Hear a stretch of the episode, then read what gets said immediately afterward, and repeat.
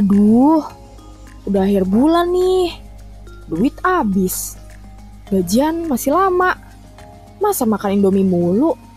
Usus gue meronta-ronta di sini. Hayo, siapa yang sering ngerasa kayak gitu? Kali ini aku datang untuk memberikan solusi cegah bokek demi hidup yang lebih cuan. Bareng sama aku Stella di Kisah Anak Muda.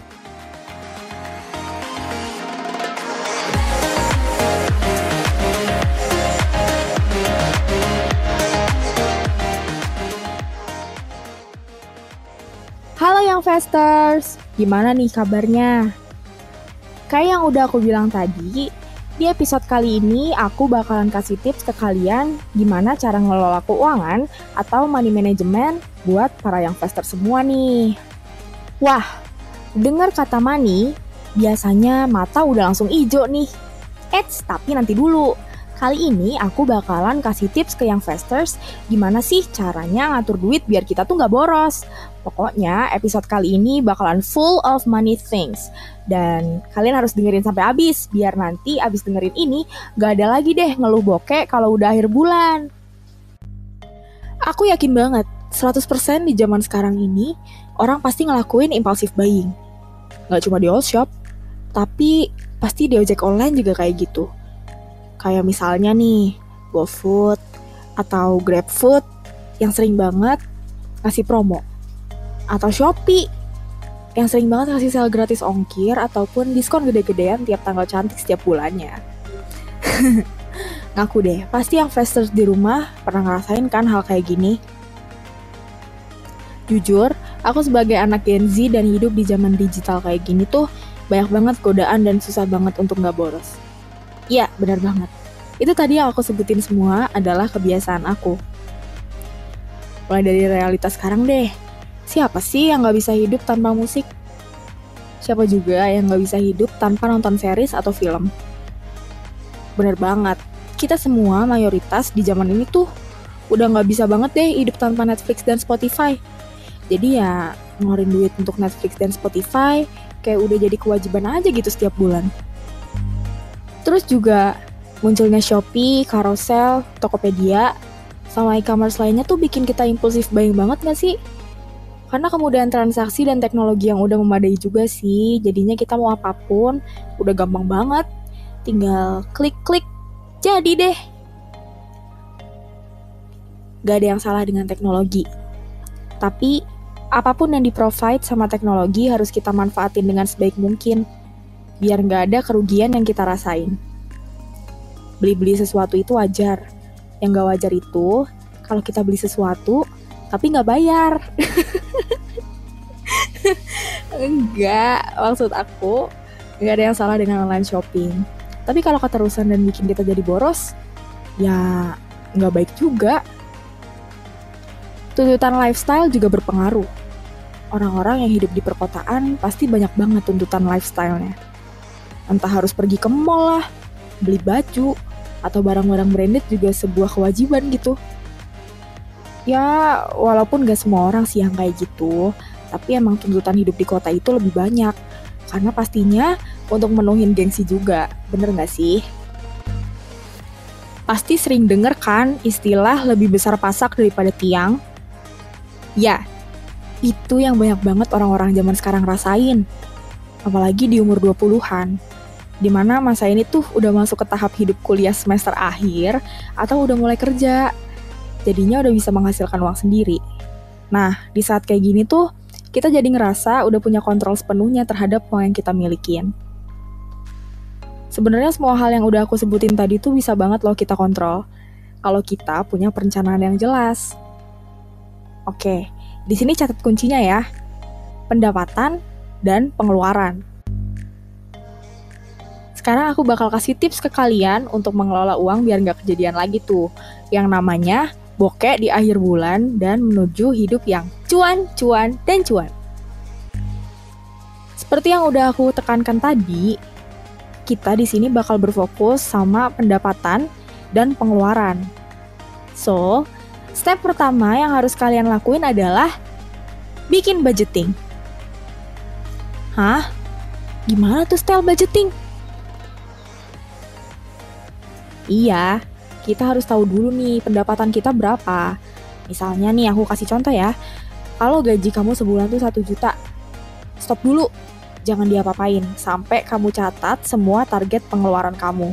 Itu yang namanya budgeting.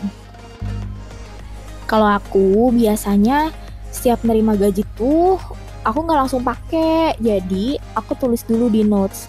Untuk sebulan ke depan aku harus bayar apa aja yang jadi kewajiban. Misalnya, tagihan-tagihan utama dulu, kayak misalnya wifi, Spotify, Netflix, terus kayak keperluan kayak subscriber storage Google Drive gitu, aku juga utamain dulu. Terus aku hitung deh keseluruhannya. Nah, oh iya, jangan lupa buat kalian nih yang masih kuliah, terus juga aktif di organisasi kampus, jangan lupa buat utamain bayar-bayar yang wajib, kayak uang kas di organisasi kampus, atau mungkin denda-denda paid promote gitu. Kalau kalian emang lagi ada di suatu kepanitiaan pasti kalian pernah kan yang namanya paid promote? Mustahil kalau anak kuliahan nggak pernah paid promote terus nggak pernah denda itu mustahil. Nah terus kalau itu tadi semua udah dihitung tinggal kalian bayar aja. Nah jadi sisa uangnya itu bisa dipakai buat keperluan lain. Nah kalau udah tahu nih sisa uangnya berapa tinggal kalian bagi aja per persen kalau dari aku aku biasanya ambil 30 persennya gitu untuk aku tabung dan aku pakai untuk investasi. Aku yakin nih di sini pasti para yang investors yang lagi dengerin ini ada juga kan yang udah mulai investasi sejak dini. Nah, kebetulan aku juga baru mulai investasi tuh sejak awal tahun ini. Jadi it's such a new thing for me dan aku juga masih banyak belajar tentang hal ini. Nah, tapi pokoknya investasi itu tuh udah aku targetin gitu. Itu tuh untuk tujuan jangka panjang. Jadi uh, aku mesti rutin untuk selalu investasi setiap bulannya. Nah terus juga tujuan aku investasi ya biar kita nggak sekadar nabung aja tapi uh, kita juga bisa dapet cuan gitu loh dari apa yang sudah kita investasikan. Terus oh ya by the way aku tuh investasinya pakai reksadana ya guys nah terus Kan tadi udah dibagi tuh 30%, berarti kan masih ada sisanya lagi dong. Nah, habis itu biasanya aku tuh masukin 20% uang sisanya buat aku taruh di rekening lain yang emang aku buat dan aku khususin untuk uang darurat. Nah, maksudnya apa sih? Gitu. Pasti kalian pada bingung kan, apa sih maksudnya uang darurat? Nah, oke, jadi bakal aku jelasin di sini kalau dari aku aku tuh punya ATM yang memang khusus untuk nabung. Atau in case aku perlu untuk beli sesuatu yang urgent jadi aku bisa pakai uang yang ada di sana. Nah by the way untuk rekening ini aku sengaja nggak pakai m banking karena untuk mencegah uangnya kepake buat online shopping gitu. Karena jujur dengan kemudahan m banking gak bisa dibungkiri gitu. Kita tuh pasti ada aja godaan untuk membeli-beli barang yang tidak penting atau emang barangnya cuma kita inginkan. Jadi ya itu sih yang membuat kita jadi lebih boros. Ya nggak sih? Ya tapi gitu sih strategi dari aku dan emang itu yang aku pakai biasanya setiap bulannya. Nah terus yang terakhir karena tadi udah dibagi 30% dan 20% berarti kan masih ada sisa. Nah yang terakhir ini aku nggak ngitung sih itu tinggal sisa berapa persen dari seluruh pendapatan aku. Tapi kayaknya itu tuh sekitar 10 sampai 15 persenan gitu. Dan emang gak gitu banyak gitu.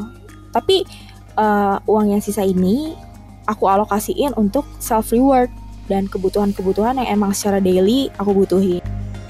Eh maksudnya apa sih self reward oke okay. jadi uang sisanya tadi itu yang aku bilang self reward itu adalah uang yang emang biasa aku sisihin untuk beli sesuatu kayak grab food atau bisa juga buat hangout sama teman. Tapi kan karena sekarang situasinya lagi pandemi kayak gini, terus ya nggak ada yang bisa diajak keluar juga gitu. Aku jadi jarang banget keluar rumah buat hangout. Nah jadi self reward ini lebih sering aku pakai buat jajan online, kayak misalnya di GrabFood atau GoFood. Nah tapi, tapi nih guys, By the way, kalau kalian jajan online, kalian juga harus pinter-pinter tuh manfaatin promo. Jadi kita nggak boros-boros amat. Selain itu juga aku kan tadi bilang kalau uangnya itu Gak cuma untuk self reward, tapi untuk kebutuhan aku secara daily. Maksudnya itu adalah uh, uangnya itu selalu aku pakai juga untuk ongkos misalnya aku harus keluar rumah kayak misalnya harus ke kampus atau harus syuting keluar gitu nah jujur kalau dari aku sih jarang banget ya beli-beli barang di Shopee akhir-akhir ini ya aku biasanya beli-beli barang di Shopee gitu emang buat barang yang aku butuhin banget gitu kayak beli tripod, clip on gitu-gitu deh pokoknya buat keperluan produksi atau syuting karena aku juga sering syuting-syuting konten gitu untuk keperluan kuliah. Jadi gitu yang investors, cara aku buat ngelola finansial aku. Ya, aku emang bukan financial planner, tapi di sini aku coba kasih tips ke kalian sesuai dengan pengalaman aku. Kuncinya adalah kita fokusin ke pendapatan dan pengeluaran. Terus juga maksimalin penggunaan uang untuk kebutuhan, bukan keinginan. Ingat ya guys, kebutuhan itu way more important than keinginan.